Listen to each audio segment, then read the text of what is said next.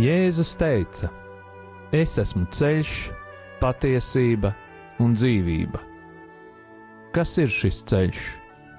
Kā to atrast? Par to raidījumā Ceļš pie viņa. Raidījumu vada Normons Grasmanis.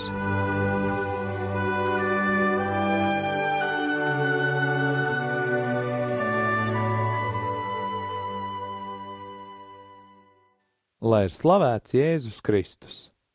Atkal ir piekdiena, un radio Marija ēterā izskan raidījums Ceļš pie viņa. Vēlos atgādināt, ka raidījuma e-pasta adrese ir ceļš pie viņa at gmail.com. Turpinu pateikties visiem klausītājiem, kuri atceras mani un pārējos radio Marija darbiniekus, brīvprātīgos un arī ziedotājus savās lūkšanās. Vēlos pateikties katram klausītājam, kurš ar savām lūkšanām un finansiālo ziedojumu atbalsta radio Mariju skanējumu ēterā, lai Dievs jūs bagātīgi svētī un arī katru atbalstītāju un visus mūsu kopumā. Un tagad, kā jau ierasti, lūksim aizsardzības lūkšanu pār radio Mariju darbiniekiem un brīvprātīgajiem, par katru klausītāju un mūsu ģimenes locekļiem. Jēzus Kristus vārdā! Mēs pārņemam autoritāti par savu ģimeni un sasaistām visus ļaunos spēkus un varas gaisā, telpā, zemē, ūdenī, pazemē, dabā un ugunī. Dievs, tu esi kungs pāri visam visumam, un mēs atdodam tev slavu un godu par tavu radību Tavā vārdā, Kungs, Jēzu Kristu, mēs sasaistām visus demoniskos spēkus, kas ir nākuši pār mums un mūsu ģimenēm, un ieslēdzam mūs visus tavu dārgo asiņu aizsardzībā, kas mūsu dēļ tika izlietas pie krusta. Marija, mūsu māte, mēs lūdzam tavu aizsardzību un aizbildniecību pār mums un mūsu ģimenēm ar svēto Jēzus sirdi.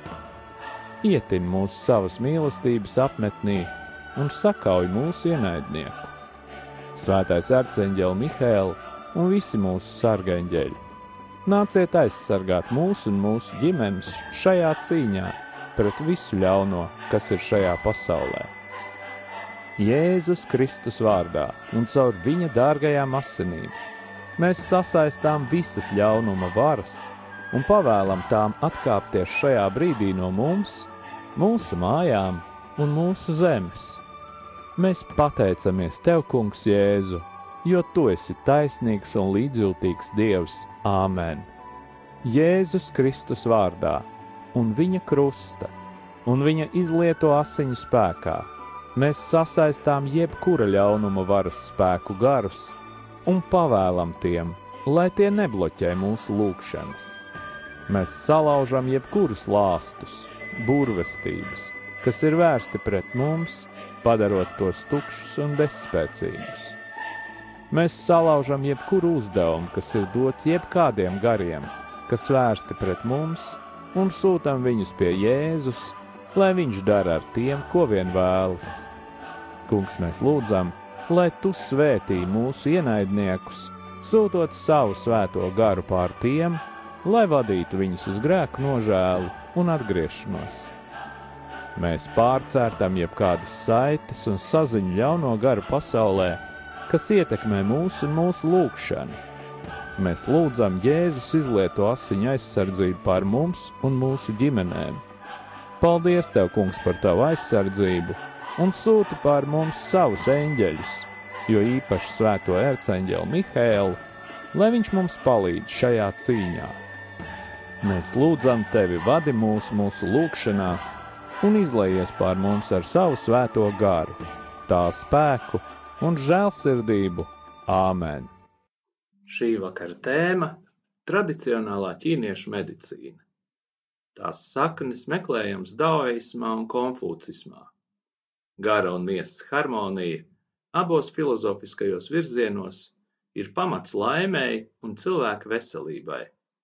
Daoisms meklē harmoniskas attiecības starp dabu un cilvēku taču konfūcisms tiecis pēc tā paša, akcentējot morāli, pareizu dzīvesveidu praktizēšanu. Tāpat kā daudzās pasaules daļās, arī Ķīnā vairāk nekā 2000 gadu medicīniskā pieredze bija saistīta ar tā laika dominējošām filozofijām. Vispirms tradicionālajā ķīniešu medicīnā svarīga loma ir idejai par iņ un jaņ savstarpējo miedarbību un līdzsvaru, kas tieši ir saistīts ar dzīvības enerģiju cī vai kī veidošanos ķermenī. Tradicionālā ķīniešu medicīna tika veiksmīgi izmantota daudzu saslimšanu gadījumos, taču epidēmiju gadījumos tā bija nesekmīga. Kādu laiku Eiropā, bet daudz ilgāk Ķīnā ķermeņa griešana bija aizliegta. Kā rezultātā operācijas bija aizliegtas, un tas bija iemesls, kāpēc izpratne par cilvēku anatomiju, orgāniem, to funkcijām un citām organismu darbības sistēmām bija tikai aptuvena.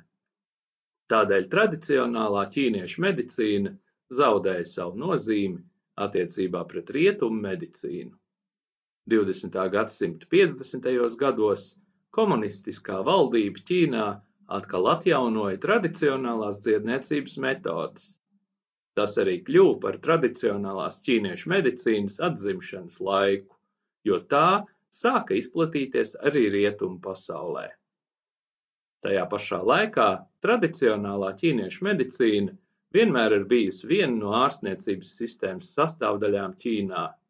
Kā jau runājām, raidījumā par tālu austrumu cīņu veidiem, konkrētas meditācijas un ķermeņa vingrinājuma programmas ir bijušas kā slimību profilakses līdzekļi. Tāpat Ķīnā kā pagātnē, tā arī šodien ir plaši izplatīta ārstēšana ar ārstniecības augiem. Tomēr Eiropā piedāvātā tradicionālā ķīniešu medicīna būtiski atšķiras no ķīniešu tradīcijas. Tā kā Eiropā nav izveidota vienota tradicionālās ķīniešu medicīnas sistēma, tad ne Vācijā, ne Austrijā nav arī atbilstoši kvalificētu ārstu, kas ar šo medicīnu varētu nodarboties. Ir speciālisti, kur ir pabeiguši šīs ķīniešu medicīnas kursus, kur tiek apgūti ķīniešu medicīnas domāšanas pamati, taču daudzos aspektos šī medicīna nav zinātniski argumentēta. Šodien Ķīnā tradicionālā ķīniešu medicīna tiek apmācīta kopā ar zinātniski orientēto rietumu medicīnu. Mēģinājumi abas medicīnas sistēmas apvienot nav izdevušies to atšķirīgo koncepciju dēļ. Šobrīd Ķīnā viena desmitā daļa no medicīnas virzieniem pieder tradicionālajai ķīniešu medicīnai.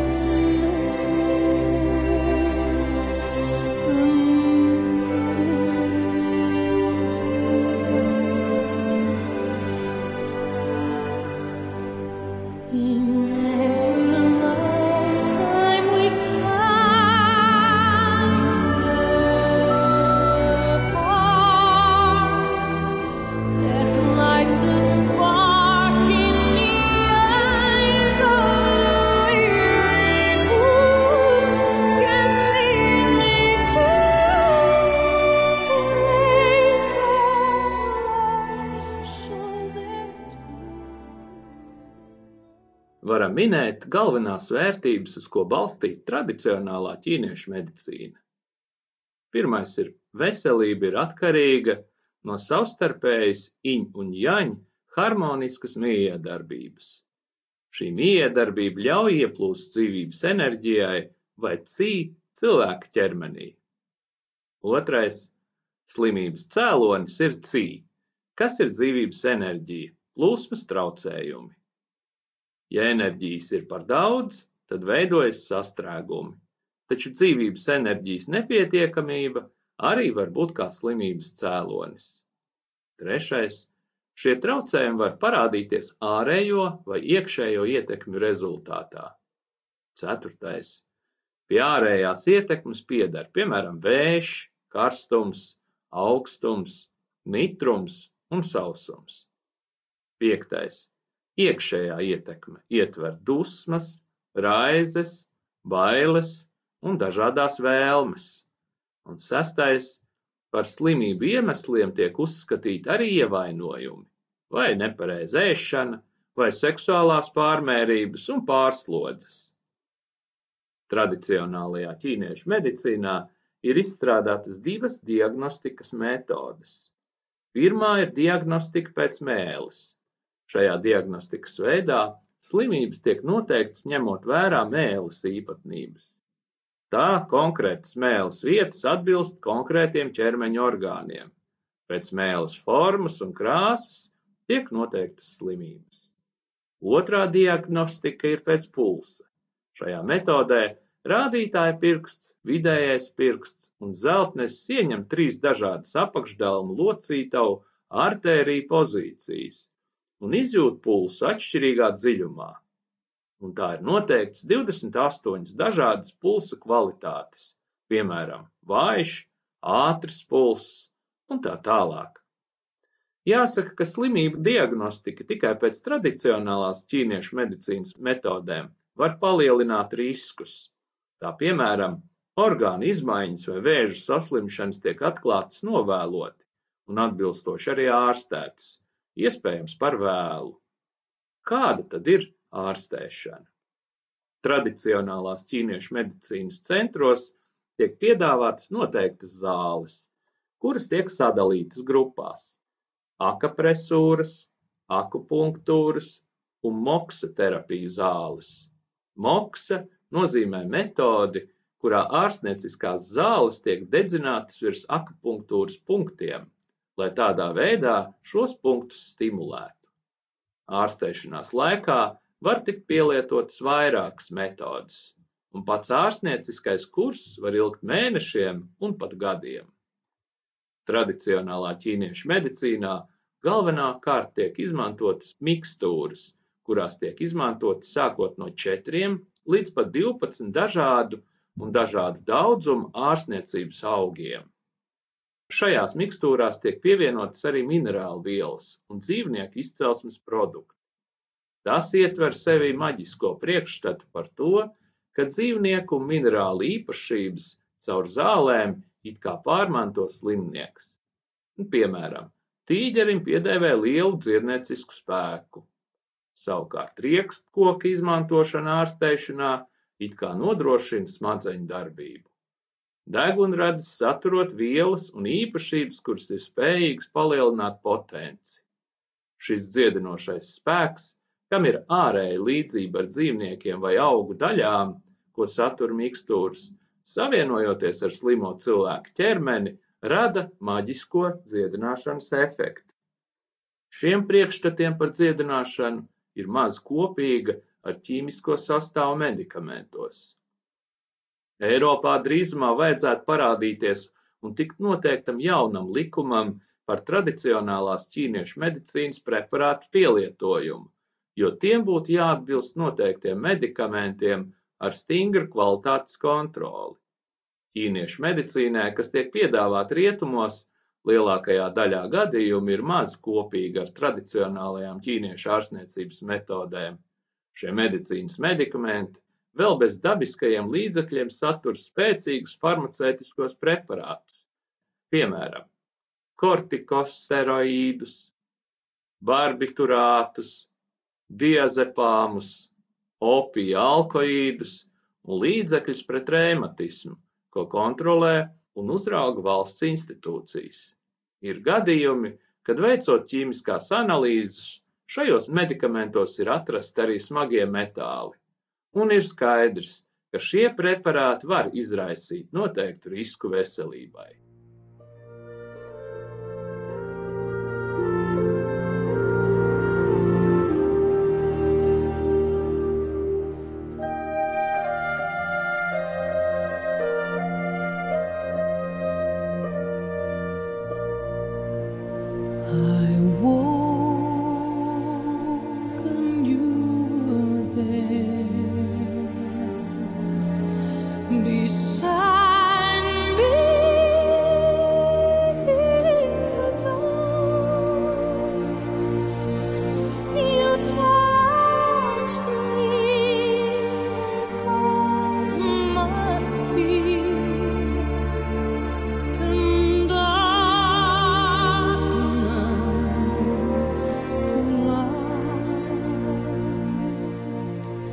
to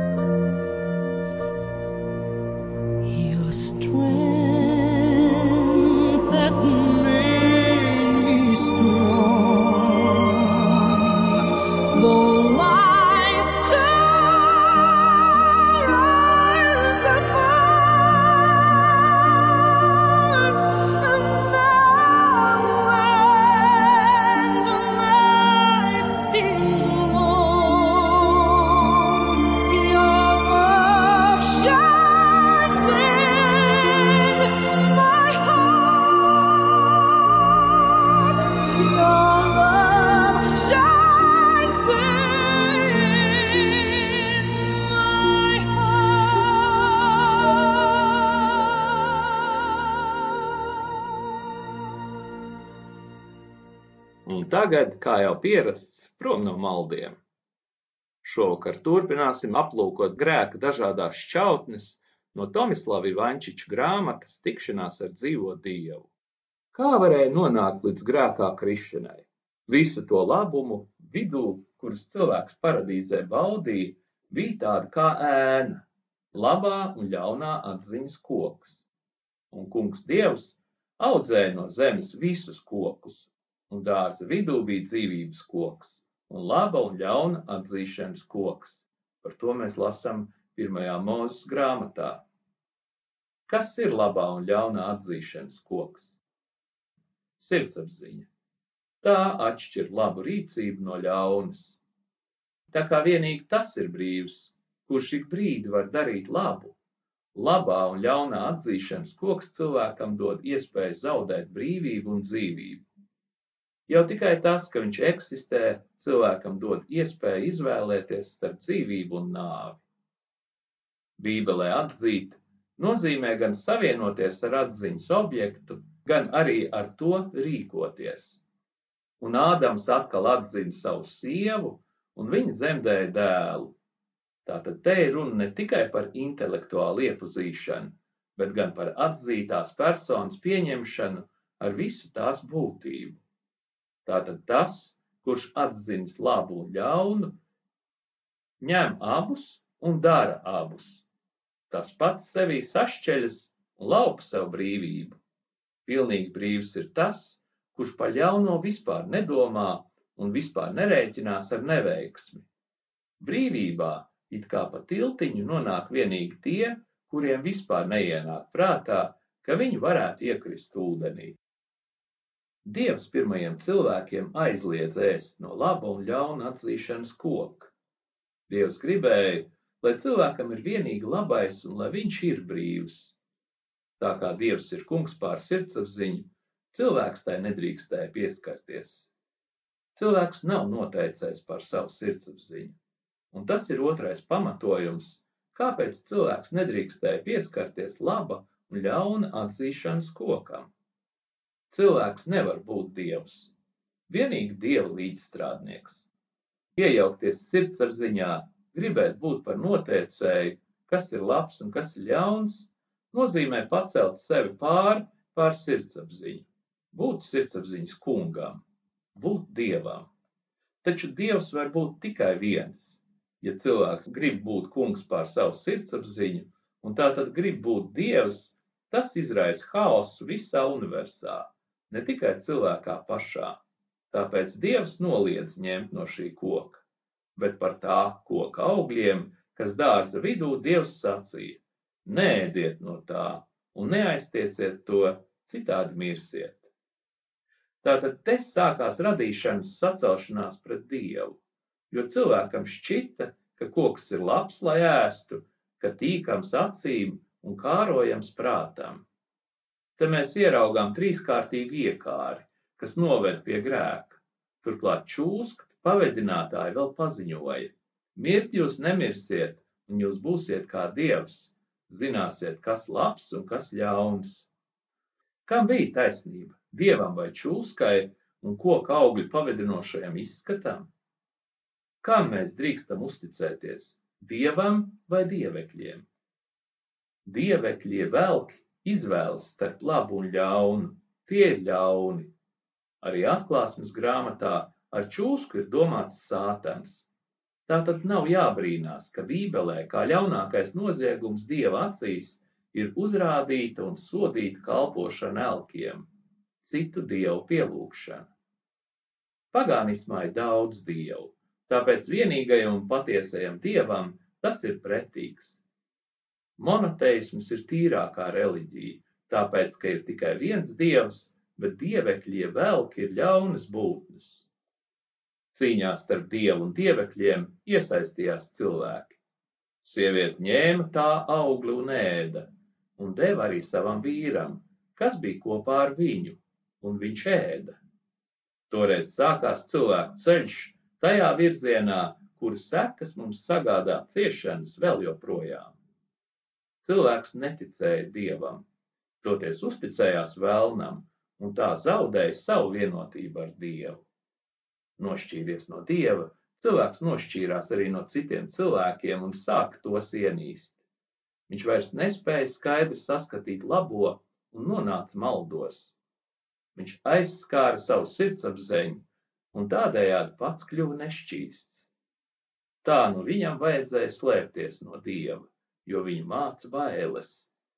Viņš gribēja būt dievs, bet kļuva vergs citiem radījumiem, jo sevišķi sātanam. Viņš atdeva savu varu sātanam, kurš kopš tā laika ir šīs pasaules valdnieks. Sātans atklājās kā melis. Viņš apsolīja varu, bet atnesa verdzību un nāvi. Un tā, nākošajā reizē turpināsim ieskatīties Tomislava Vančiča grāmatā Tikšanās ar dzīvo Dievu. Vēlos atgādināt, ka katra mēneša pirmajā sestdienā Gustava Zemgala gatvē 48 Rīgā mīlestības mājā notiek dzimtas dziedināšanas semināri. Pieteikšanās caur interneta mājaslapu mīlestības māja.lv. Līdz nākošajai reizei.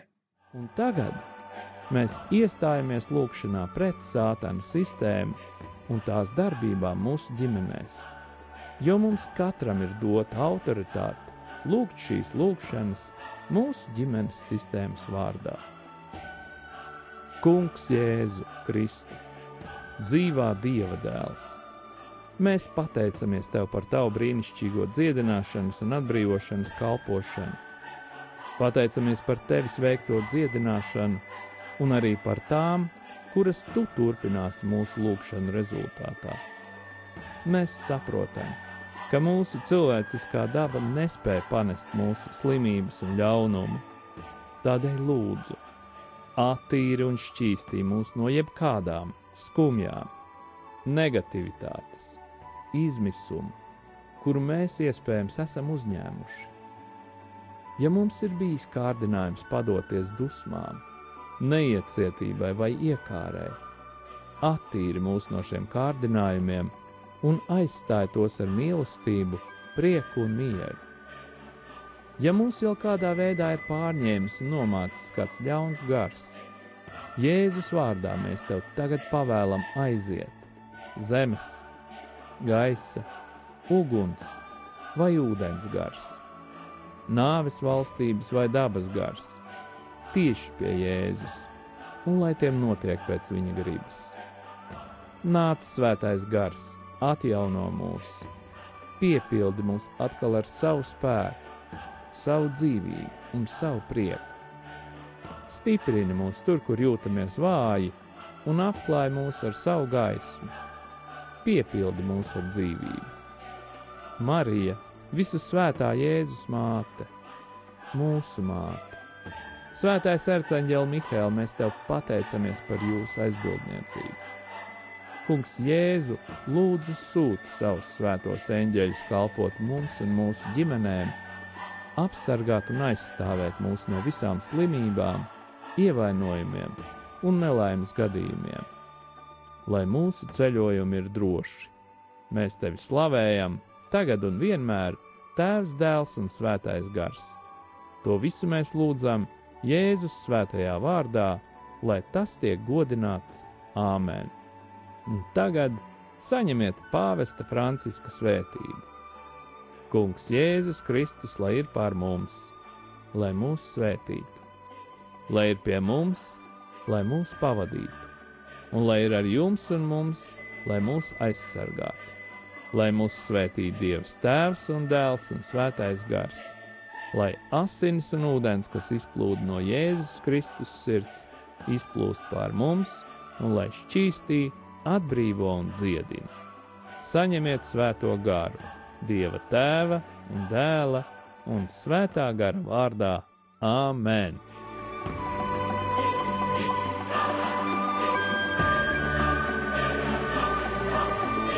Jūs klausījāties raidījumu Ceļš pie viņa uz tikšanos piekdienu!